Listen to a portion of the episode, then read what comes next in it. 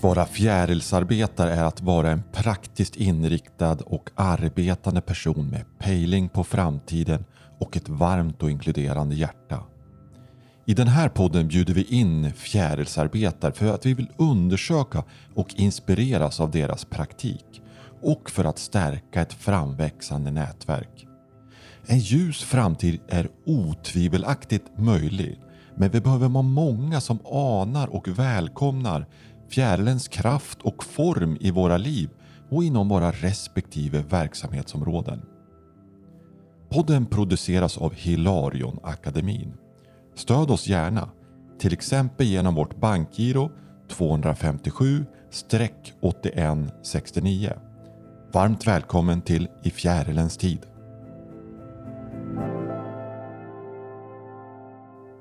Efter 18 år i Sverige hade Mustafa Panshiri just börjat arbeta som polis när den stora flyktingvågen välde in över Sverige under 2015.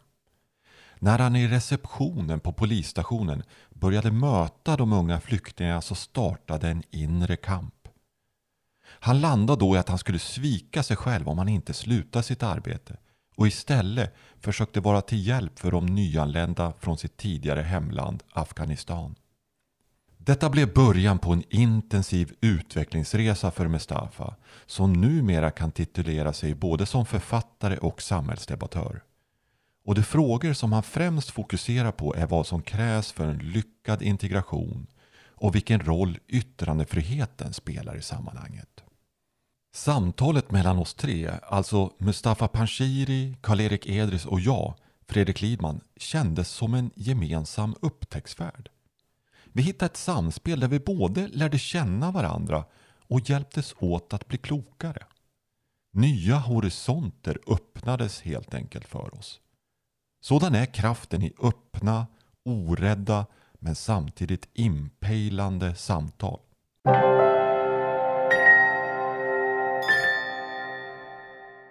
Jag jobbade som polis 2015 eh, och det var ju en dröm som gick Mm. Som i, i uppfyllelse.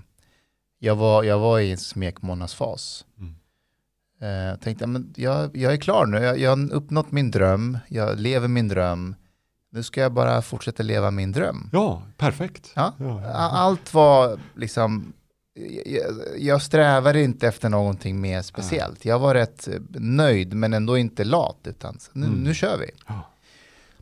Och så skedde den här flyktingkrisen och så kom det en massa unga män från mitt hemland och mitt Afghanistan.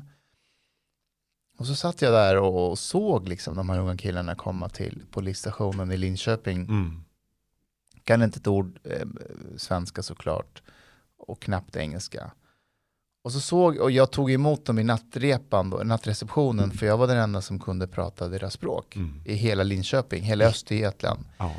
Alltså då, 2015, jag var kanske en av en, två, kanske tre poliser i hela Sverige som, som var från Afghanistan. Så jag tog emot de här killarna, de söker då asyl hos oss. Eh, och då skriver vi ett polisförhör och så överlämnar vi det till Migrationsverket eller socialtjänsten. Och jag bara tänkte så här, men hur, hur, hur- ska, hur ska det här gå? Alltså, Mm. vem- vem ska... Det finns ingen här som guidar dem. Alltså, de, de är här utan föräldrar, utan förebilder. Vem ska finnas där för dem? Någon de litar på, någon de ser upp till lite. Mm. Och eh, det var helt ofrivilligt att det, någonting genom mig sa så här, du måste göra det. Ja. ja. Ja? Därför att du, du kan titta omkring dig hur mycket du vill. Det finns ingen annan. Det är bara Nej, du. nej. Nej. Eh, då tänkte jag, nej men är det verkligen, jo men det är du, för du, du jobbar också som polis. Och du vet att de här killarna kommer- Var det där en röst i det också? Det, för du, du, Ja. det blir nästan, ja, det Ja, var en det var del utav det som sa det. Ja, ja, Ja. Det, var, det var liksom så här hur jag försökte undvika att, nej men jag, det är inte jag. Så, Nej. jo men det är du. För Ja. vem pekar på någon annan som kan göra det här? När, Ja. när, du, när du säger det där så ser jag den där affischen med Uncle Sam wants you. Ja, ja, precis. Vem är på affischen som pekar på dig? Vem är det som wants you? Ja, precis. Ja, Ja. men det var ju ditt inre och att det hände. Det hände där och då i, Ja. det, i, din, i din vardag som polis. Precis. Ja. Och det var drama för att hade du sagt nej och sagt nej men det är för obekvämt och osäkert, jag skiter i det, då hade det hade inte funkat. Nej, och det jag gjorde var ju att jag försökte min omgivning, människor jag såg upp till och respekterade och säga så här, visst är det, alltså, det här är en jättedålig idé, eller hur? Du vill testa hypotesen. ja, liksom, ja. Och så säger eh, liksom eh, Tommy, som jag skriver i boken, Ja. eh, som är liksom en man jag ser upp till. Då blir han tyst och jag tänker så här, yes, han kommer säga att det här är en dålig idé. Då säger han så här, du, du har ju hittat din mission in life, Mustafa. Shit. Och då blir jag, fan, nej! du ska ju vara den smarta här Tommy. Ju... Hjälp mig att slippa det här. Exakt. Ja. Exakt. Ja. Nej, han sa så här, det är det här du ska göra. Och då började ju jag eh, eh, åka runt i Linköping, träffa de här killarna och du vet, responsen var ju överväldigande. Alltså, Mm. Jag tackar för det. ja. Och de, de såg mig och såg sig själva lite och jag såg dem och såg mig. För jag kommer ihåg hur det var när jag kom till Sverige. Ja. Så då började jag bara ge, ge dem en massa information om hur det funkar i Sverige, hur det är att leva här, hur funkar polisen. För kom ihåg att de har ju de har gjort en tidsresa framåt i tiden, Ja. alltså bokstavligen nästan. Eh, kommit till ett land där mycket upp och ner, mycket framåt, både tekniskt, värderingsmässigt. Mm. Och de vill ju veta vad, vad är det som gäller här. Och jag eh, såg att det är ingen som, de ställer frågor men det är ingen som svarar på frågorna. Hur kommer det där sig? Tolkar det sen att mm, det är ingen som kan svara på den. Därför att vi, jag tror att i Sverige är vi så marinerade i det svenska. Ja. Så när någon ställer frågor om det svenska så tänker man att men det här är så självklart. Det är väl självklart för det också. Ja. Alltså det är som att fråga fisken i Ja. vattnet. Ja, vad just tycker du om vatten? Ja. Ja, det, det är oreflekterat Ja, för de flesta. Ja, just Ja. det. Mm. Så Men vi- det är bara naturligt så att säga. Precis. Ja. Så svenskar har under, det har varit så pass homogent i det här landet. Ja. Så normerna och sättet att vara svensk på har inte utmanats. Nej. Och då har man inte heller behövt reflektera över våra normer och vårt sätt att vara. Mm. Det är först när människor kommer utifrån och utmanar de här sätten då börjar man inse att men vänta nu, det här, det här är viktigt för mig. De här, men jag vet inte riktigt varför, men det är viktigt för mig. Ja. Och, och, och, och det är inte alls konstigt att de människor som jag har lärt mig de här sakerna av, Mm. om det svenska, vad Sverige är, vad Sverige står för, det har, det har oftast varit människor med invandrarbakgrund. Ja, precis som du här då för dem. Ja. Ja. Som har Som- kunnat se det svenska och upptäcka Som har ett det. utifrån och, och ett inifrån perspektiv. ja. mm. Ja, så, så då började jag eh, testa den här idén och se, men funkar det då ute i verkligheten? Mm. Och, eh, och det gjorde det. Så då gick jag på tjänstledighet från polisen ett Mm. halvår och tänkte, men jag testar det här ett halvår, så mycket jag kan, sen går jag tillbaka till polisen. Ja. Jag testade ett halvår, jag hann besöka 50 kommuner Oj. Och när jag var klar och skulle gå tillbaka till polisen, då var det 200 kommuner till som bara, kom till oss också Ja. träffa våra nyanlända, de vill också ha information och, och vägledning. Mm. Så då sa jag, jag, jag, måste säga upp mig. Jag, Ja. jag, det här är en sån här chans som kommer kanske en gång i livet. Ja. Och då pratade jag igen med eh, kollegor som har jobbat många år som polis. Mm. Alltså befäl då. Och så jag, alltså hörni, ska jag verkligen Ja, sluta? Är konsekvenserna tror Ja. jag. Mm. Och då sa de, många sa, Mustafa, folk kommer slå varandra på käften i evigheter. Polisjobbet kommer alltid finnas kvar. Mm. Du kan alltid komma tillbaka. Mm. Så gå och gör det du ska göra och sen kommer du tillbaka när du är sugen. Så då sa jag upp mig och så började jag göra det här på heltid och det har jag gjort sedan 2015 nu. Mm. Och, och fortsätter att göra det. Och, och det har öppnat andra dörrar. Jag eh, kom ut med en bok och nu ytterligare en bok nu Mm. som kom ut för någon månad sedan, någon månader sedan. Eh, och det där, det, rö- röda tråden är just att se till att människor som kommer hit underlätta deras process att känna att det, det, här är också, det här är mitt hem nu. Jag ska bo här. Mm. Så att vi får det här hjulet att fortsätta snurra. Mm. Hjulet Sverige. Mm. Mm. För det är ju också ett rejält bidrag till den svenska reflektionen över varför det blir gnissel. Eller varför vi inte förstår varandra. Jag menar, även om du fick ju någon recension där, där det var någon som gav, jag kommer inte ihåg vad han heter nu, Kajsar Mahmoud eller någonting sånt kanske, som hade sju regler till Ove. Just som det. tyckte att det, var, att det var obalanserat att bara ge dem till Mustafa. Men alltså det startar ju automatiskt en reflektion kring hur man ska hantera olikheter. Och det välkomnar jag. Ja. Jag välkomnar det. Alltså, för jag har inte de rätta svaren. Nej, det är... Det är vem Nej. Nej, vilka, nej. Precis. De sju dogmerna. Ja. Ja, Så jag, skrev, teserna. ja, jag skriver en bok och säger det här är sju råd som Ja. jag önskar. Jag skriver det uttryckligen. Jag önskar att jag hade fått Mm. när jag var ny i Sverige. Du kan väl läsa dem också. Kanske är sju råd som du tycker också är bra. Om konsekvenserna sen blir att någon annan säger, men vet du vad, det behövs även sju råd till svenskar. Fine, Ja, go for it. Ja, det- skriv boken. Ja, ja, jag är inte den som kommer stoppa dig. Fantastiskt.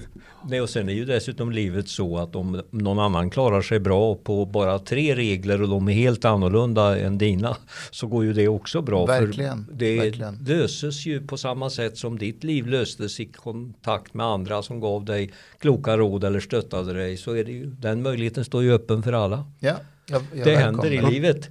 Uppfattar du, är du på samma för du liksom där 2015 någon gång, då bröt du en bana och det var någonting i det inre som sa, ja men en del utav det sa att men det här ska du göra nu och du testade, ska jag verkligen göra det? Men du gjorde det och så sen så fick du liksom återkopplingen efterhand liksom att det här tillför jag saker. Är du på samma bana, du gick in på en ny bana då skulle jag påstå i livet. Mm. Eller ny, ja. Är du på samma bana fortfarande eller är det, har det skett någon förgrening efter det som gör att du någon ny Jag är bana. fortfarande på samma bana, Ja. men sen har det tillkommit nya liksom, grenar Ja, jag anade, ja. ja, du- som, som jag insett att men vänta, det här tillhör ju det här jag Samma på med. grundstam. Ja. Liksom. Ja. Som till exempel då, vi satt ju och pratade lite här innan, att, att det jag gör har fått mig att bli varse om hur viktigt det fria ordet är. Ah. Vilket har resulterat i att ja, men jag och några vänner startade en, en podd som heter Sista måltiden. Och hur den kom till det är att alla vi fem, vi, vi, vi är med i offentligheten eh, och har varit det sedan ett tag tillbaka. Och vi sitter på en middag, pratar med varandra om allt och inget. Och en av oss säger, om vi pratade så här som vi gör nu offentligt, då hade det här varit vårt, vårt sista måltid. Och då säger någon annan att då borde vi, ja, då borde vi prata så här offentligt. Ja. Därför att alla vi runt det här middagsbordet, vi kommer från länder där det fria ordet har varit begränsat. Ja. Alltså jag är från Afghanistan, och Ashkan och Omar, eh, Ashkan och Hanif i podden är från Iran, eh, Omar är från Egypten. Mm. Du vet om du säger fel saker i de här länderna, då kommer någon och knackar på dörren och så Ja. kanske din familj inte ser dig igen. Ja. Och så kommer vi till ett land där man påstår och säger att vi älskar det fria ordet. Yttrandefrihet är en del av vår grund, grundlag. Och då säger vi, då ska vi fan fira det. Ja. ja. Då blir den här podden en hyllning till det. ja. Så det är det vi gör nu. Jag har insett att nej, men det, här, det här är fan viktigt för mig, för jag har, jag har släktingar just nu i Afghanistan. ja. Eh, kusiner, eh, morbror, farbror. Eh, de har inte det fria ordet. Nej. De, de är inte fria alls nu med, Nej. med, med talibanernas återkomst. Och det hade varit en, en förolämpning mot dem om jag satt i Sverige och tänkte på vad jag får och inte får säga. Just det, vad är okej nu i det här sammanhanget jag är och i offentligheten som ni är då? Ja. Precis, om jag tror på det här, Ja. om det här är viktigt för mig, varför skulle inte jag kunna säga det offentligt? Ja. Och, nej, och det be- be- behöver inte betyda att det jag säger är sant. Nej, nej, det är ju inte det du är ute efter. Nej. Nej, nej. Utan- Men går det att säga Går att någon, säga det? Eller att någon annan tänk- säger det när, när, när någon gästar er och så vidare. va? Precis. Ja, det handlar ju mer Ja. om priset. Det går ju alltid att säga, men hur är priset? Just det. Ja, och det finns, och det kan man ju säga att då synar ni priset i Sverige för att säga saker som inte är eh, godkänt stämplade, informellt godkänt stämplade. Precis. Och nu med allt som händer med eh, han Joe Rogan och hans podcast och Spotify. Det, gör oss bara mer övertygade om att vi måste fortsätta. Ja, men ni, ni på någon nerv i det västerländska samhället här och vad som sker just nu. Vad som att det blir, det finns de här fundamentalistiska strömningarna. Verkligen. Verkligen. Ja, här, nej, där var man utanför det som går att säga.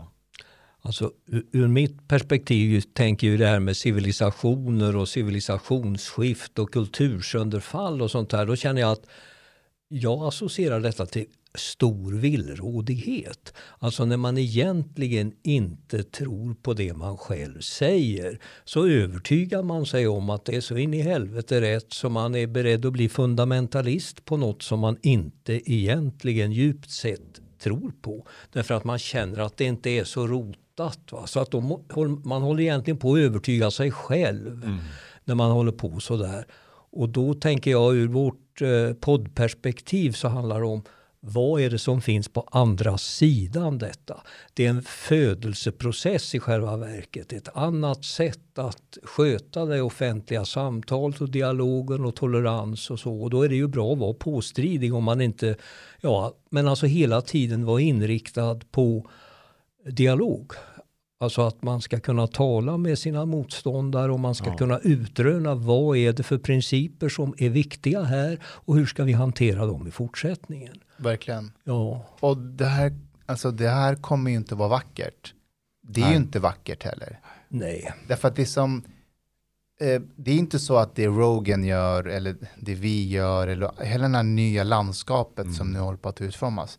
Det är inte alltid vackert. Nej, och det nya landskapet tänker vi i media, att Precis. det finns så många röster, inklusive den här lilla pluttpodden. Ja. Precis. Ja. Och att de etablerade medierna, självklart blir de frustrerade och säger varför lyssnar ni på de där? Ja. Ni skulle lyssna på oss. Och nu sa de fel dessutom. Precis. Ja. Räcker inte det att ni ska komma tillbaka till oss? Vi är ju auktoriteten här. Jag fattar att de reagerar så. Det är helt normalt. Ja, det är det. Jo, men detta har ju också med det här med globalisering, blanda ihop människor, det rör sig om i grytan. Hur ska, vi har gjort för mycket av våra olikheter, vi har hållit oss på våra kanter och så har vi krigat med varandra ibland. Men nu när det blandas och ges och att alla människor i princip finns överallt i lite olika doser, då gäller det att göra någonting kreativt av det. detta. För jag känner ju att om man har ett visst sorts perspektiv på frågan om globalisering och enhet och så vidare. Det blir som att köra allting i mixern och sen så, så det blir samma gröt som är styrd av kommersiella intressen dessutom som är då grädden på det här moset så att säga.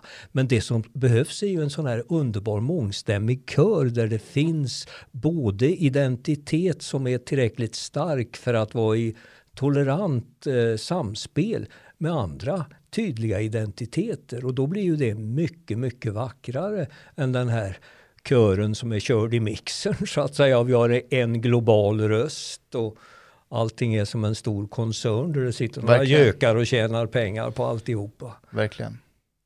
Och jag, jag- märker att det här kaoset gör ju också att vi blir förvirrade. Alltså Mm. alla vi som är i det tänker, okej vad, vad är det som händer? För Ja, just det. Någonting det händer ju. Ja. Och jag tror att hela idén med vad är ett land, vad är en människa, vad är ett samhälle blir förvirrat också. Ja. Därför att Ja. någonting är märkligt, till exempel att eh, jag menar du Karl-Erik, Ja. du, du kan bo här i Trångsund, Mm. i, i den lägenhet du bor i och så upptäcker du att de intressen du har i livet, eh, du har mycket mer gemensamt med någon som är hälften så ung som du i Sydkorea Mm. än vad du har med din granne i Trångsund Ja. bredvid dig. Ja. Fast ni pratar samma språk, Ja. ni, ni äter samma mat kanske, ni går till samma centrum, men du har mer gemensamt med någon tjomme i Sydkorea. Men, För att men är inte det underbart? det är fantastiskt. ja, men det är Ja. förvirrande det också. är jätteförvirrande, Ja. Men det är fantastiskt. Ja. Ja. Kroppen är på ett ställe men andra delar av den är på eh, globala liksom. Precis. Ja, och Jo, men det är ju detta som behöver- Men detta behöver ju hanteras för då kan man ju, om jag som fortsätter att tänka i det här i körer, då kan man säga att då ingår vi i samma stämma.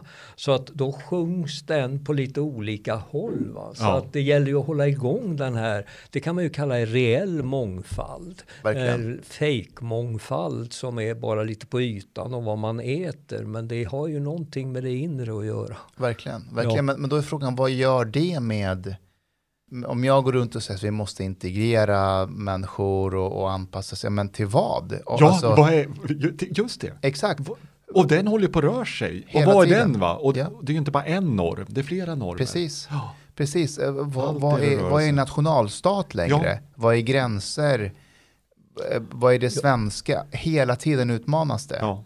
Ja, men alltså då kommer vi ju också i kontakt med det här. Är nationen, det har man ju kommit fram till då att en föreställd gemenskap, alltså att det är ingenting i sig själv. Och så skrattar man åt Herder, den här gamle filosofen som tog fram det här med folksjälar. Men tänk om Herder i någon slags mening hade rätt. Att det finns en ton där också. Det finns någonting som är Sverige. Ja, bortom som, det konstruerade ja, bland som oss bortom människor. det som är konstruerat av de människor som för tillfället bor i det land som för tillfället kallas Sverige och som för tillfället är svenska medborgare eller i alla fall här och rör tillsammans. Det kanske finns något som heter Sverige. Och om man flyttar dit så är man underställd en vibration, en slags I- på påverkan. platsen. Ja, som finns och som inte bara är. Ja, då blir man essentialist och man blir utdömd för allt möjligt idiotiskt. Men hur kan vi vara säkra på att så inte är fallet? Just det. Jag menar, det är, jag tycker väldigt mycket om en gammal dekal som jag såg på någon bil för länge sedan där det står en miljon flugor kan inte ha fel, skit är gott. Alltså, alltså det är att många tycker samma sak. Precis. Det, behöver, det, är inte, det räcker inte för att något ska vara sant. Nej, nej. Och eh, man kan i tusentals år vara helt överens om att något som absolut inte är sant är sant. Hur, hur har du uppdelat? Det är ju, om vi tar det som en hypotes som Karl-Erik säger, att det kan vara så. Att det finns någon folksjäl eller nordisk själ, eller vad det nu må vara. Har du upplevt att det kunde vara så när du kom hit? Och, vad, hur har din resa varit? Du kom hit som 10-11-åring va? Just det. Ja. Upplever du att det fanns någonting i platsen också? Eller? Ja, ja men alltså verkligen. Ja. Eh, och jag hade en, jag var väldigt nyfiken. Jag Ja. ville ju veta mer. Mm. Men jag upptäckte att det är svårt att få veta och ställa frågor till svenskar. Det var lättare att uppleva det med dem. Ja. Alltså utan att ställa frågor, Bara bara, simma med dem. simma med ja, dem. och se vad gör de. liksom. Ja, Ja. då förstod jag Ja. mycket, mycket mer. Ja. Och, men då gäller det att bli inbjuden och bjuda in, alltså till att kunna bli inbjuden till att få simma med. Ja, Mm. Ja, och, e- e- eller att du är i en miljö där, där du lätt kan absorberas in i det här majoritetskulturen eller vad man kan kalla det för. Eh, Men ja, jag kände alltid att nej, men det är något speciellt här. Det finns en, det en speciell atmosfär, det är ett väldigt specifikt folk och specifik kultur. Och jag var, jag var väldigt nyfiken på att veta mer och ja, jag har fått veta lite mer genom åren men det är fortfarande mycket jag inte vet och, och nyfiken på att veta. Alltså det jag associerar till när jag hör det, det är att känna hur man har, vilket förhållande man har till sig själv. Alltså, det är ju, där finns det ju också någon slags ton. Alltså om man fortsätter att leva hela livet så håller man ju på att upptäcka sig själv. Det finns ju någonting. Och hur väl man kan uttrycka det. Jag har ju hängt med ett antal år. Och jag känner ju att Ja, jag känner ju igen mig själv. Men den här tonen, den här, det här som är jag i någon slags bemärkelse och skulle, som skulle kunna vara associerat med någonting helt annat egentligen också. Men det har jag försökt att uttrycka så som jag har gjort. Jag har studerat det jag har gjort, tänkt det jag har gjort, attraherats till olika saker. Men det finns någonting där som är djupt och då tänker jag det och som jag försöker att förvalta eller ta ansvar för eller vad ska man säga, en djup identitet och då tänker jag det, det kan vara likadant med ett land, alltså det fylkas folk kring, vi kan ju prata om Moder Svea, alltså vi håller på i Ja. Moder Sveas kjolar och det finns någonting, jag har känt någon slags vision av det här att det kommer så många hit och då tänker jag, men jag tror det är ett tecken på styrka. att den här potentiella själen ljus. som Ja. finns här kan visa att det ska kunna gå bra att integrera många olika människor och göra någonting vackert av det. Men det tar ju lite tid. Folk tid. är ju så jävla otåliga. Det ska vara gjort på ett år eller två. Det får inte bli något bråk. Men jag menar det här är ju en svettig kontaktsport. Integration och utveckling. Det går ju inte på en vecka. Det kanske tar några generationer. Jag håller med och det har varit ett, ett budskap jag också försökte förmedla när jag är ute och föreläser. Just att hörni, du måste ha lite tålamod också. Ja. Det här kommer ta tid. Ja. Och, och det kommer inte alltid vara vackert längs vägen. Men, Nej. men nu, nu är det ju så här. Nu har, nu, har, nu har vi gått längs den stigen och nu är vi här.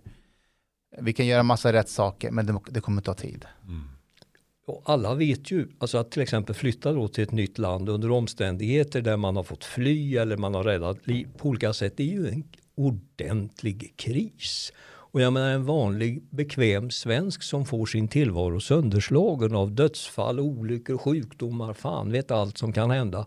Så gör man ju inte det på några veckor eller går en enkel kurs och sen så känner man sig bra igen. Utan det kanske tar decennier innan man, det nya livet har fått en gestaltning som gör att man tänker ja men det blev ju ganska bra till sist. Verkligen. Ja.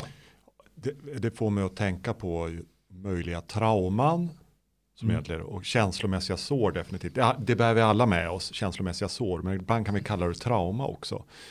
Hur, hur möts du av det när du träffat alla dessa ungdomar genom åren? Och vad, vad, vad har du uppfattat hittills? Alltså de är ju oftast, det är en sak jag alltid fått påminna mig själv att inte se dem som en grupp utan Ja. se dem som individer. Ja. Och det fina är ju att många jag har träffat är oerhört starka. Ja. Eh, de kan säga så här, jag har ju jag fan rest Jag har ju tagit mig hit för Exakt. det. Ja, Så jag, jag Kom vill, igen nu. Ja, Ja. Jag, jag klarar av jag saker. överlevare. Låt mig inte bli passiv utan jag måste... Kräv ja, saker om Ja. mig. Exakt så, exakt Ja. så. Medan andra behöver mer tid på sig. Mm. De är, du vet, de saknar sina föräldrar. Mm. Eh, de, eh, vissa har kommit bort från dem. Mamma kanske blivit mördad eller pappa av, Mm. av någon i, i talibaner och sådär. De, det är en annan individ. Mm. Den är mer traumatiserad än den andra. Mm. Så man måste verkligen möta dem där de, där de är där och då. Ja. Hur lyckas vi generellt i Sverige att möta de här ungdomarna? Vad är din... Nej, men jag tror att vi, vi, vi så här, problemet, eller vi har gjort ett misstag att vi har sett, som, sett dem som en grupp. Ja. De där ensamkommande afghanerna till exempel. Mm. Ja men Ali som kommer från Kabul Mm. har mycket mer gemensamt med Emil från Stockholm än, Storstadslivet, ja. exakt, Precis. än vad han har Urbana. med Fatima från landsbygden i Afghanistan. Så då kanske du, du inte ska behandla Ali och Fatima på samma sätt. Mm. Men jag förstår att vi i Sverige har gjort så för att vi vill ju förenkla för oss själva för att kunna komma igång med någon slags process. Okej, du vet invandrarna, ja Ja, fast vilka Och invandrare? där är de grabbarna som kommer. På, ja, det var de ja. Hur gör vi där? Ja. Precis. Eh, för det är för mycket information, jag, jag- jag, förstår det. Men vi har lättare att göra så med, med svenskar. Mm. För att vi känner igen svenskar. Ja. Vi har levt med dem, vi, vi vet hur vi vi har lättare att se svenskar som individer och svårare för att se invandrare som individer eller afghaner som individer.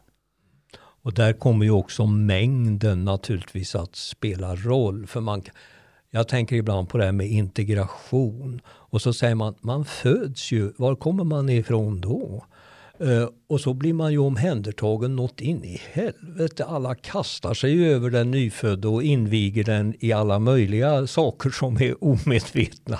Och man får lära sig prata och så vidare. Det är ju väldigt intensivt. Man väntar ju inte och tänker undra vad den där personen vill och tycker. Utan alla kastar sig ju över. Och egentligen när man kommer ny så skulle man ju behöva någonting som är mycket intensivt och personligt anpassat. Och människor som vill relatera sig till Ja, det. För att det ska liksom att man ska känna att man blir en del av det här. Alltså invigningsceremonin för att bli människan i ett land som nyfödd. Den är ju väldigt intensiv. Och det blir ju någonting annat om man har det på det kognitiva planet och får en broschyr.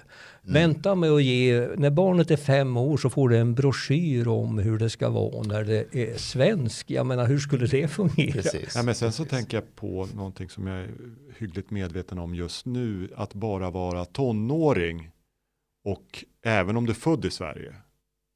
Att liksom att taget komma in i vuxenlivet. För här var ju ungdomar som kom hit. Det var ju tonåringar. Mm. Som kom, bara att, även om du skulle vara född här och förstå vad är det jag ska gå in i för samhälle och vill jag ens gå in och uh, hur kan man gå in i det här? Mm. Och där initieringsriterna för mig i alla fall är väldigt oklara. I alla fall att gå från att vara ungdom eller barn till vuxen. Mm. Sådär, vad, vad, vad, vad har vi för något sånt om några? Sådär. Så jag tror det- det är ganska många, eller jag vet, det är ganska många som är förvirrade.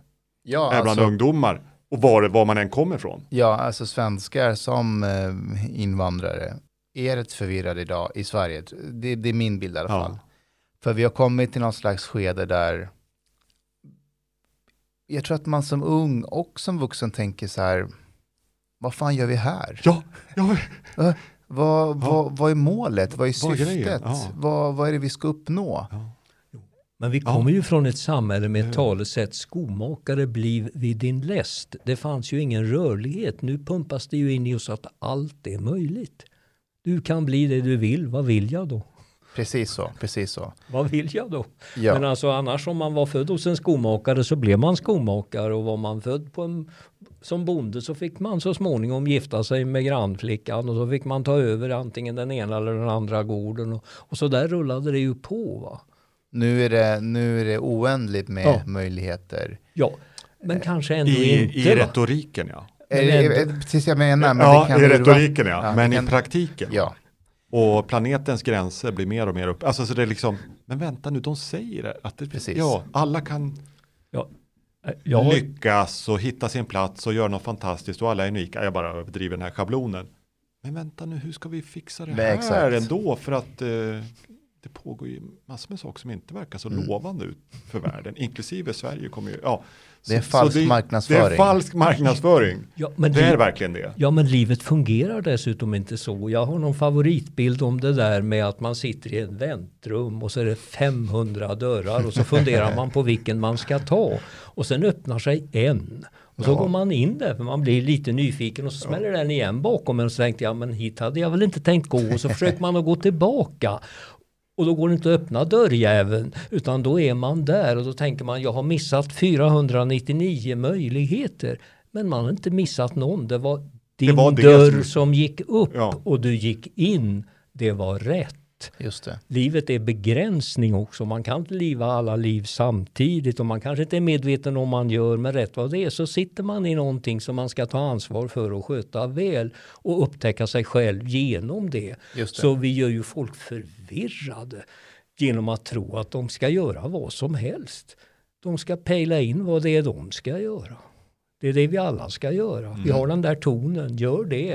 Eh, vad ska man säga, körens sammansättning är avgjord på ett annat plan. Mm, Om alla hittar sig själva så blir det bra. Va? Istället det. för att springa runt och jävlas med varandra. Mm. Men jag, jag, jag tror att den förvirringen, jag, jag tror inte att det var till exempel en tillfällighet att, att det var från Sverige så många eh, som reste till IS till exempel. Ah. Eh, d- Mm. Därför att, Vi därför var att överrepresenterade där. I, sett till befolkningsstorlek eller? ja, alltså det var i Belgien och Sverige där, där eh, ja. per capita var det flest Wow. som eh, åkte ner. Ja.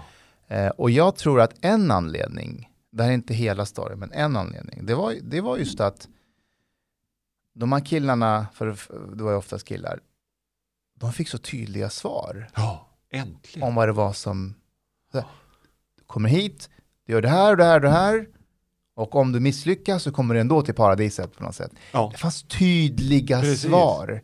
Okej, om, du, om du tar den svenska skolan till exempel, vad får du för svar där? Jo, men eh, borsta tänderna är viktigt. Eh, använd skydd vid när du har sex, för du får inte... Ja, okej, det har jag gjort, men sen då? Ja. Va, vad gör vi sen? Ja. Nej, Här står jag med mina borstade händer och borstade tänder och Ex- kondom i exakt. kavajfickan. Sen då? Och alla ska vara tillsammans hela tiden. Eh, vi är jämlika men vi mäter hela tiden hur det går för dig. Just det. Så du selekterar stenhårt. Fast vi kan, ja. Så du mäts hela tiden. Det är Just inte alltid det lärande handlar om, det handlar om att mäta rätt. Och då tror jag inte alls att det är konstigt att Nej. man dras till det helt extrema åt andra hållet som har alla svar och, och, Ja. och, och har visat det i vägen. För att ingen pratar ju på det sättet, du känner inte igen det. Och det har ju lite försvunnit tror jag i väst i allmänhet kanske och Sverige i synnerhet att Ja, men vi har liksom gjort upp med religionen, vi Ja. har gjort upp med kulturen på något sätt också och vi försöker bli den här moderna människan.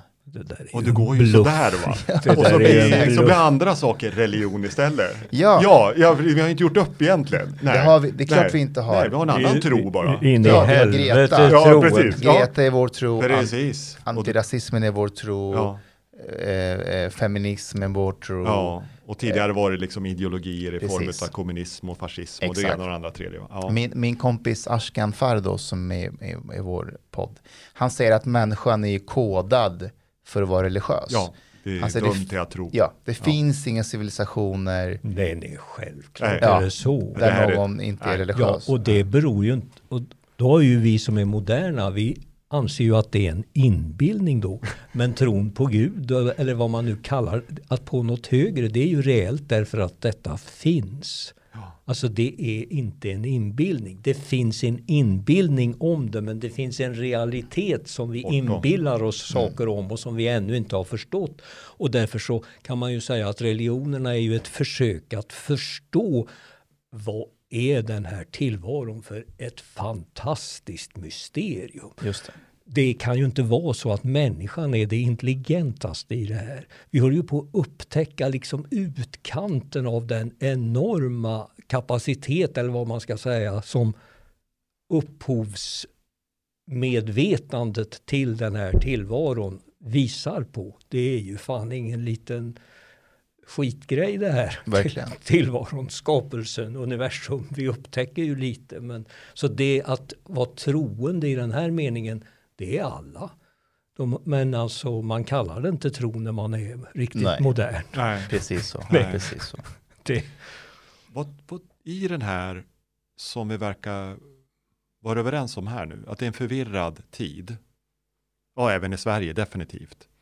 Och när du beskriver att eh, lockelsen att ta sig ner till IS tidigare var stark, därför där fanns det bland annat då, men här kan jag, ja men som jag tar, här finns det en mening med mitt liv. Och det är som, eh, dessutom som ungdom att man snabbt kan göra skillnad för någonting. Eh, och där blir sedd för någonting och så vidare. Jämfört med det här flytande svenska. Och det är inte bara Sverige vi dissar, för det, det är en västvärldsfenomen, men det kanske är extra tydligt i Sverige. Och då tänker jag så här, då är så, i Sverige, det är ju inte så lätt för oss att då skapa något annat tydligt. För det är inte, alltså jag påstår, det är ingenting som är tydligt just nu. Det är en sån tid vi lever i. jo men alltså jag uppfattar det inte riktigt så. För jag uppfattar det mer som att det är en ideologi som vi har. Alltså de här personerna som propagerar för det här har ju själva oftast fasta välbetalda jobb. Alltså de kunde prata om det istället, hur de gjorde karriär och hur de kom in på detta statliga verk och fick 50 000 i månaden och hur de har byggt upp sina liv istället för att prata diffus filosofi om hur saker flyter. Ja, ja men nu är jag med på kring det. Ja. Ja, Ja. alltså det är, det är också en slags eh, Vi är för modern- opersonliga i det, just det. Ja, det är en slags Ja. kollektiv illusion enligt Ja. min mening som döljer hur samhället skapas och upprätthålls genom att det finns ändå fullt av folk som går till jobbet och gör sina saker jävligt noggrant och ställer sina krav och så vidare. Ja. Det kanske går åt skogen ändå på ett sätt men jag menar det är ju inte så att inte, än så länge så fungerar ju det mesta någorlunda. Verkligen. Ja, Verkligen. och det görs ju inte, det görs ju inte själva. Man bygger upp system, innovationer, man kämpar som fan och man tar det på hundraprocentigt allvar. Men man ska ändå prata så, på något speciellt sätt. För Så att du påstår vi gör det mer flytande än vad det behöver vara? Ja, jag tror att det vi skulle behöva är att kliva ur, eh, eller jag känner det nu, att vi skulle behöva kliva ur eh, diffust prat och träda Ja. fram som de vi är. Och Ja. vad det är vi egentligen strävar efter och inte snacka en massa skit. Då skulle det vara lättare att förstå. Och då skulle man också kunna, för det tycker jag, jag när vi håller på med det här så tycker jag att jag har kommit fram till det att det finns fullt av vettiga personer inom de flesta verksamheter som har pejling på framtiden, som vill göra något bra av det, som Ja. känner ansvar i sina hjärtan, men som känner att det är lite naivt att bekänna det. Ja, och tro på det där. Ja, den där men- rösten i dig som sa Ja. att du ska göra det här. Nej, nej, nej. Jag har det så man- bra. Men man tror på det ändå. Man är någon slags garderobsframtidstroende som inte riktigt kommer ut. Men sen blir man väldigt glad när man hittar någon som är likadan och så tänker man ja, men vi kan nog, det kan nog bli bra det här. Det behöver nog inte gå åt helvete. Det, vi kanske kan rädda det, skapa ett bättre Sverige eller vad det nu är. Och jag tror det är viktigt att nå alla sådana personer. För de har man mycket gemensamt med om man själv är en sån va, som tänker att den ljusa framtiden brukar vi ju prata om, den finns ju. Va? Det, det är bara det att vi måste ha fokus på den bollen istället för fokus på bollen det är förvirrat och det går åt skogen och så vidare. Lägg fokus på det som håller på att brist, komma fram istället för det som rasar. Därför att nytt kan ju inte komma fram utan att gammalt försvinner. Verkligen. verkligen. Eller, eller transformeras på ett eller annat sätt. Va? Och det gäller ju en själv som person också. Jag tror att det var det jag, det var någonting jag verkligen tog med mig när jag, när jag skrev min, min bok. Att, att jag tyckte att det var rätt flummigt i Sverige kring integration. Mm. Och jag, jag tänkte att det är ingen, som jag känner i alla fall, som pratar om det på ett enkelt sätt. Nej, Just det. Våga vara enkel och Ja. tydlig. Ja, alltså, Ja. fan, jag kanske har komplicerat det lite allt för mycket. Ja.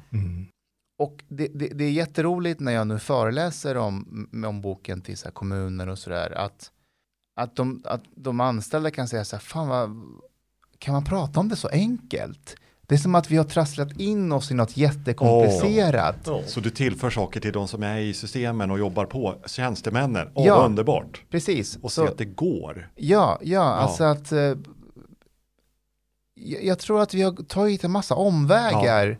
Det behöver inte vara så krångligt, Nej. det kan vara rätt enkelt. Och, Ja. och hur man gjorde förr också, att det fanns en enkelhet. Alltså, jag, jag, jag, jag var hos, ehm, eh, jag, var, jag var med i söndagsintervjun och så pratade jag med Martin Wiklin som är programledare där. Och han, han, han sa något roligt till mig, han sa att när han läste min bok så påminde det väldigt mycket om hans pappa. Ja, Ja, han var från Ceylon va? Eh, Precis, från Sri Lanka. Ja, någon, ja, ja, exakt. Sri Lanka. Ja, att, att när de kom, kom till Sverige så var hans pappa sådär, ja, nej, nu har vi kommit till ett land där det, det, det är annorlunda, eh, Ja. ser man lite ner på, det, det, det är lite, det är svårt och då får du faktiskt jobba jävligt hårt för att komma in. Och drabbas vi av orättvisor eller rasism eller vad som helst, Ja. då skyller vi inte på någon annan Nej. utan vi jobbar ännu hårdare. det. Liksom. Ja. Precis. Ja. Och då sa Martin Wiklin till mig att, att, att, liksom, att han känner igen sin pappa väldigt mycket, men att varför, varför ska man göra så idag? Ja. Alltså varför ehm, kan vi inte tänka nytt och, och så? Alltså, jo, sure, fast vi saknar din pappa. Jag Ja. saknar din pappa idag. För din pappa fattar jag vad han säger. ja. Idag är det, Det är fortfarande det som gäller. det är fortfarande det är det. fortfarande, vi är inte annorlunda som människor. Nej, det är vi inte, men vi kan vi prata tror- om det på ett sätt, men det, ute på banan, Ja, ja. när du ska spela på rinken, det är samma jäkla Exakt spel så. att vara människa. Exakt. Så- Faktiskt. Precis, som, Ja. som jag pratade med en socialsekreterare och det här är, det här är ett sånt där exempel där man, Ja. där man krånglar till det. Hon sa till mig att ja, men hon kan träffa klienter som är oroliga för att, de vet inte hur de ska, söka jobb, hur, hur går Mm. det till när man söker jobb, an, anställningsintervju, vad, vad gör man, vad säger man? Och så sa hon så här att när jag läser i din bok så skriver du att ja, men, klä dig korrekt Ja, och stå rak i ryggen och eh, prata korrekt svenska. ja, Hon sa så här, det är ingenting vi tänker på hos oss när vi pratar med våra klienter, utan det vi tänker är att du ska vara dig själv, oj, oj, oj, oj, du ska, di- din arbetsgivare ska inte eh, tycka att dina kläder är konstigt eller att, ditt, att du pratar är konstigt, utan det viktiga är hur du är som människa. Och då sa hon till mig, jag önskar att vi hade kunnat gå tillbaka till det basica, därför att det här är ju inte snällt mot vår klient. Nej. Det snälla är just att, eh, ja, till att börja med, Anpassa det till att börja med. Ja, gå i de här in. kläderna, Ja. gå inte i de här kläderna. Nej, precis. Eh, skaka hand på det här sättet, hårt handslag, titta Ja. dem i ögonen. Ja. Det är som att om man pratar på det viset i Sverige, det är som att den moderna människan ställer sig upp lite och säger så här, nej men hörni, så där pratar man förr. Det där är lite grått människoaktigt. Ja. Vi har kommit förbi det, vi, vi är bättre än så. Och Fast är- det är så ju vi inte det. förbi. Inte Vi är alls. inte förbi det. Det är det som är jobbigt. Nej. Vi är Utan inte det förbi det. handlar om att vara ärlig och bestämma Ja. vad går de själv efter. För så Exakt, snabbt. vad går de själv Ja, efter? precis. Ja. Det Så är där det det inte. sitter. Ja. Och det är så svårt naturligtvis i en anställningssituation att man behöver ju i princip vara clairvoyant, alltså, så att man går ju efter sådana här enkla saker. Är det någon som verkar rejäl och pålitlig? Och det är mycket Och talar perfekt under, svenska. eller omedvetna processer Ja, ändå visst. som gör att man liksom snabbt får ett intryck. Man vet inte ens vad man får intryck är som Nej. jag tittar på dig nu, men man får intryck snabbt utav en person va? när man kommer in i ett rum. Precis. Och sen kan man rationalisera saker efteråt Absolut. för att förklara varför man fattar det ena och andra beslutet. Men beslutet Språket- kan fattas ganska snabbt. Och blir då språket- olikheten, för att följa, följa tank, dina tankar, blir då olikheten momentant för stor, även på ytan, så kan det bli svårare. Då vill man inte chansa. Nej, man vill inte chansa, Nej, men, men man alltså- vet inte ens varför. Det var något, man vill ha tillräckligt mycket likhet. Men språ, språket är också väldigt Ja. viktigt. För man känner man att man är det allra minsta osäker på vad människan menar. Ja, så tänk, ja, så blir tänker man, här kommer jag få problem. Ja. Ser Ja. trevlig ut, är välklädd. Men vad sa han egentligen? Eller vad sa hon egentligen? Så att perfekt språkbehandling eller snudd på det är viktigt. Eller i alla fall så det är i paritet med uppgiften som man söker. Det är ju en sak om man ska gräva eller ja, när det inte är så mycket kommunikation. Men Just det. Så det Men- man uppfattar där som lätt, och jag tänker på mig själv också, jag kan känna igen mig i, i de här socialarbetarna och tjänstemännen också. Man vill vara förstående för andra kulturer, jag påstår någonting här, förstående för andra kulturer och Sverige är bara ett litet land och nu ska vi förstå dem. Men man kan med sin snällhet eller byråkratiska snällhet göra folk otjänster. Verkligen. Att faktiskt lyckas det egentligen vad du säger. Ja, mm, Men det förstår. finns något konstigt med ansvar kring det här med att vara i socialsvängen. Alltså ansvar är ju egentligen personligt men här, ska man, här tar man det på ett, på ett distanserat sätt från sig själv som person. Som gör att då kan det tappa Ja. kontrollen. Skulle jag sköta det personligen det här i mitt personliga liv. Nu ska jag stötta dig för det betyder någonting, vår relation här. Ja. Vilket råd ger jag då? Ja? Ja, alltså det, Ja. Mm. för alltihop det här är ju en personlig grej så, det har med, så det är också väldigt svårt att vara socialarbetare. Va? Mm. För då ska, man, då ska man hitta något sätt att vara personlig och ans, eller ja, ansvarstagande utan att vara det som person. Ja. Utan då, eh, det ansvar man tar som person är ju i förhållande till bestämmelser och, Mm. och koder på jobbet och karriärmöjligheter och fan och hans moster. Va? Men de här personerna som jag jobbar med de kan jag inte ta ansvar för på samma sätt som jag skulle göra om det vore min adoptivson. Just det. Ja. Och det är egentligen adoptivsonsläget som fungerar bäst. Ja, ja, ja. Ja. ja. Ja. Jättebra illustration, Ja. verkligen. Så det, där, det, där, det, så det är svårt. Va? ja, det är svårt för dem när man är i de byråkratiska menar jag inte som någon negativt. Det behöver vara en byråkrati i ett sånt sammanhang. Men när man inte tillåter sig själv eller tillåts att vara tillräckligt personlig Nej. och vara i relation. Verkligen. Mm. verkligen. Och det här är personliga grejer. Va? Det, den här typen av utveckling. Det är ju därför som det är ditt råd där att slå dig ihop. Du pratar ju om Tommy här. Va? Sådana personer skulle ju alla behöva ha då. Som man är personligt relaterad till och som tycker om en och önskar en väl. Va? Det känner man ju kanske inte alltid att tjänstemän gör. För det ingår ju inte i deras roll.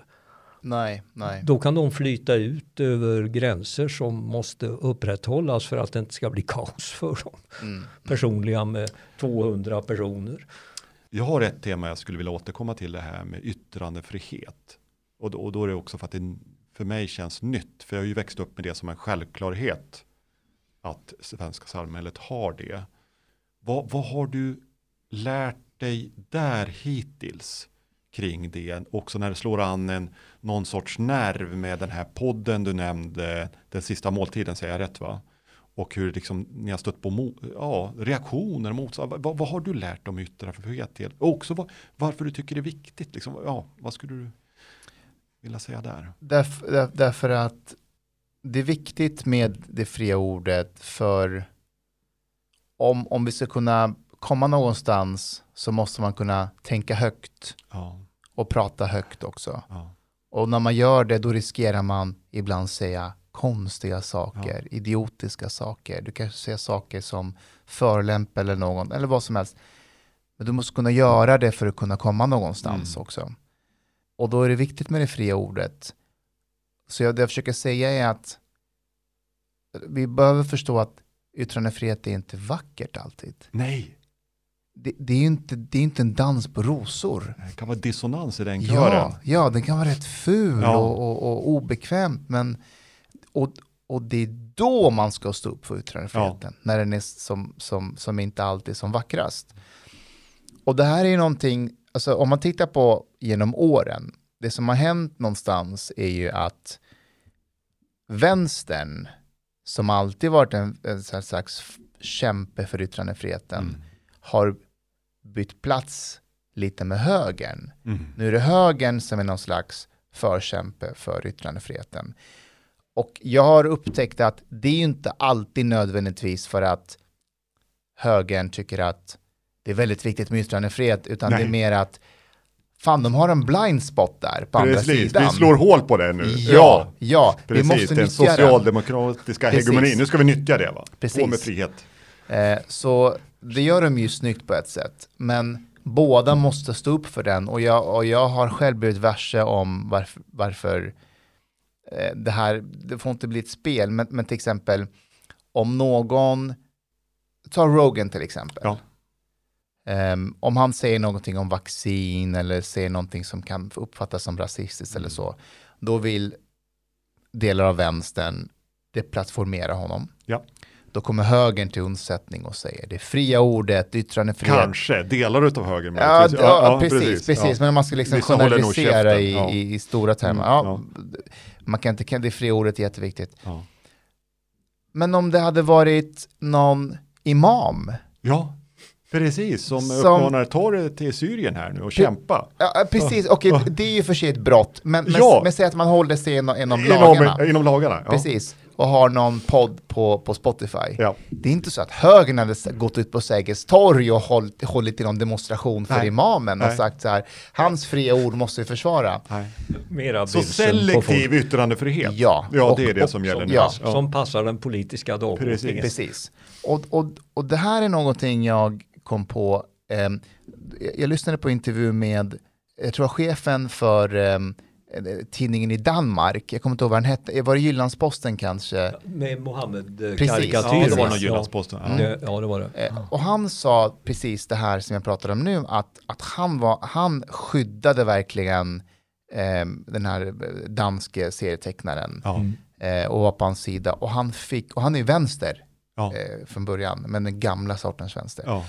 Och han fick så mycket beröm från högersidan att du är liksom, du är rätt sorts vänster, vi står bakom Ja, du, det. ja, just det. Precis. Rätt. Ja. Sen hände det någonting med en massa imamer i Danmark Ja. eh, som man försöker tysta ner för att man tycker att de är problematiska. Då går han i en demonstration med dem Ja. och säger så här, jag stöttar er, ert fria ord, Mm. jag håller inte med er, men det är väldigt viktigt att ni får komma till tals. Och då blir han anklagad för att vara någon slags islamist, någon, eh, ja du vet. Mm. eh. Och då säger han, men jag förstår inte, jag, jag är ju konsekvent. Ja. Jag skiter i islamisten och tecknaren egentligen. Jag Precis. tycker hans teckningar kan vara fula till och med, men deras rätt att göra det är jätteviktigt. Nej, men det gäller att vara pragmatisk och selektiv. Och det ändras, det gäller att förstå vad vindarna blåser. Vad då integritet och stå för någonting? Och det där är jätte, Ja. alltså på ett mänskligt plan, det är jätte, du vet, du kommer få stryk. Ja, Du, och, och du kan Men bli ensam, du kan bli utstött. Ja, för, att, för att eh, bilden av det kan vara att, vad fan, vi vet inte vad vi har dig. nej, och, men det är att den personen i det här fallet står kvar. Exakt. Ja, Men jag, jag tänker så här att det här är också kreativa processer inom en nation. Alltså att då, ta, då är tidsskalan en annan. Alltså att om det bubblar saker i grupper och hos människor som inte artikuleras av de som har makten eller är i media så kommer det att bli en social kraft av det. Det är ju så Sverigedemokraterna har växt fram. Därför att det har funnits missnöje som ingen har brytt sig om Nej. eller irrelevansförklarat men som har varit reellt. Va? Och så det är väldigt, det är ur det här perspektivet som konflikter och annat blir mindre om man är lyhörd och artikulerar stämningar som finns och föreställningar som finns. Och jag menar, vi, när vi jobbar med konsultperspektiv och sånt här för att få kreativitet så är det ju väldigt viktigt att man kan säga saker som man inte är beredd att försvara. Nej, Därför precis. att man kan komma i rullning så plötsligt så öppnar sig en ny tanke som kanske inte är briljant men som är briljant i det sammanhanget. Och man känner fan vad bra. Men vägen dit den borde ju ha censurerats. Just det. Och hade man censurerat den så hade man aldrig tagit sig dit. Va? Så det är likadant för ett samhälle. Så det är en slags befruktning och utveckling och få hit olika personer som har andra perspektiv och som ska vara med i den här. Och här kanske går det på ett år för en individ så tar det kanske 20 år för en nation. Men det är en slags kreativ process tror jag. Verkligen, Och verkligen. det är väldigt viktigt att Och värna då kan det. vi inte censurera oss själva Nej, och censurera andra för mycket. Nej. För att det behöver vara kreativt. Då är det där som Ja. du sa, om du sa provprata, provtänka. ja. Sa du tidigt i, ja, Ja. jag tror det är så viktigt för annars blir vi inte kreativa. Då går vi in direkt på något spår som inte kanske är rätta greppet, varken i ens eget liv eller Nej. för samhället. Och man kan ju vara rädd då för det kommer in hat och Ja, sånt säger man. ja. Men hatet kommer ju, ju först in när det är mycket, för mycket motstånd. Ja. Får man ta det när det är mera färskt. Det är klart, har man gått där och känt sig missförstånd länge så tänker man jävlar jag gör mig hörd genom en bomb. Mm. Eller att det är någon dåre som hör sig, gör sig hörd genom en bomb. För det, det, alltså det är ju, ja. Ja, men det här är samma stam som det är för sju år sedan. Men det är en ny förgrening. Verkligen. Ja, verkligen. och som är viktig nu och låter som att den kommer att vara med dig verkligen. framöver. För, för att när jag har träffat nyanlända, det jag har lagt fokus på det är ju våra grundlagar. Ja, Och där är ju yttrandefriheten en, en, det är en grundlag. dessutom. Så om jag har pratat om att det här är viktigt, det här måste man kunna, varför det är viktigt, då, då har jag tänkt att men jag måste ju också leva som jag lär. Ja, vem är jag annars? Precis. Mm. Vem är jag annars?